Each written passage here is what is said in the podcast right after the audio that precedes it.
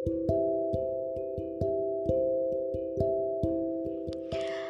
teman-teman, sesuai sama apa yang aku post di instastory aku waktu itu Aku mau bikin episode baru Isinya tentang aku baca-bacain cerita yang masuk ke DM Instagram aku. Um, Ini episode pertama yang gak tahu ke depannya bakalan ada lagi atau enggak Pokoknya doain aja Hari ini aku bakalan bacain cerita dari seseorang perempuan yang minta untuk tidak diberitahukan identitas dia. Oke, kita mulai. Halo Mbak Agnes, halo juga buat teman-teman yang udah dengerin podcast Suara Ezi. Salam kenal ya. Mungkin Mbak nggak terlalu kenal aku, tapi jujur aku udah follow Instagram Mbak Agnes dari lama banget. Kayaknya dari SMP waktu Mbak masih pacaran. Oke, masih pacaran.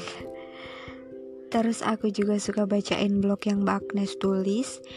Dan kebetulan kemarin waktu Mbak buat podcast, aku seneng banget karena nggak perlu baca hehe bercanda. Tapi aku bakalan baca terus kok mbak. Terima kasih.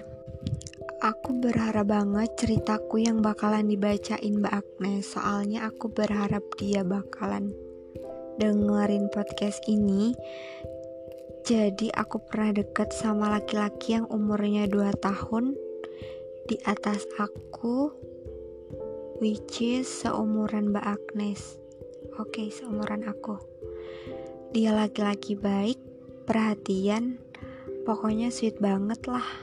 Nah, tentang hubungan kita berdua, bener-bener cuma kita aja yang tahu.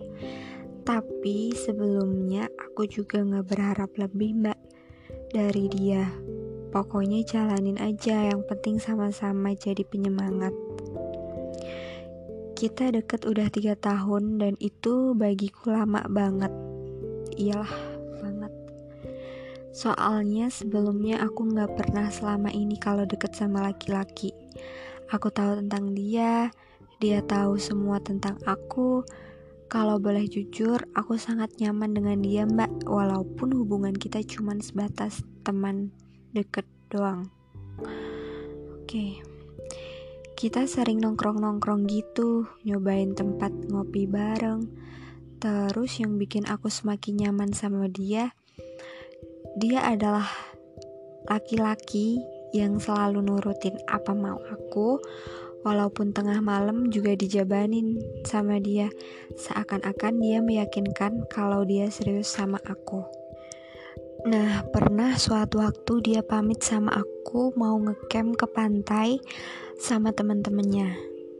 Nah waktu pamit dia bilang gak ada cewek-ceweknya. Tapi lagi pula aku tipe perempuan yang gak pernah mempermasalahkan tentang hal ini. Asalkan dia berani jujur dan memberi sekat dalam berteman. Oke. Okay. Toh kembali lagi mbak. Aku sama dia cuman deket. Aku sadar aku gak berhak melarang dia. Bagus Justru aku malah senang dia pamit sama aku. Gak peduli dia bakalan jujur atau bohong. Udah nih dia berangkat selama di perjalanan masih sempat komunikasi sama aku. Tapi gak lama WA-nya sama sekali gak bisa dihubungi. Aku positive thinking kalau mungkin gak ada sinyal. Sampai paginya juga masih gak bisa dihubungi udah semakin gak karu-karuan pikiran aku, perasaan gak enak sampai akhirnya temen dia bikin Instagram story dalam bentuk video. Oke. Okay. Dan di situ ada dia lagi gandengan tangan sama perempuan. Tahu kan Mbak perasaanku? Beneran. Oke, okay, lanjut kalaupun dia emang temennya, kenapa harus segala pegangan tangan? Kenapa juga waktu dia pamit bilangnya nggak ada cewek-ceweknya? Tapi nggak sampai di sini aja. Aku yang masih mikir positif ngeberaniin diri buat tanya ke temennya, siapa sih sebenarnya si perempuan ini? dan ada hubungan apa sama dia. Dan kamu harus tahu mbak, kalau temennya bilang mereka udah pacaran dari setahun yang lalu. Benar-benar hancur mbak aku saat itu Gak tahu harus gimana, gak tahu harus cerita ke siapa Soalnya emang benar-benar gak ada yang tahu kalau kita ada hubungan selama ini Apakah aku salah mbak kalau terlalu berharap sama dia?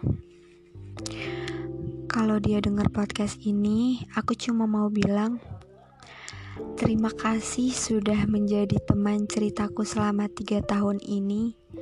Terima kasih pernah bilang kalau kamu benar-benar sayang aku, terlepas dari apa peran aku selama tiga tahun ini di dekat kamu. Semoga kamu selalu bahagia dengan seseorang pilihanmu. Udah selesai. Jujur, nangis banget waktu pertama baca.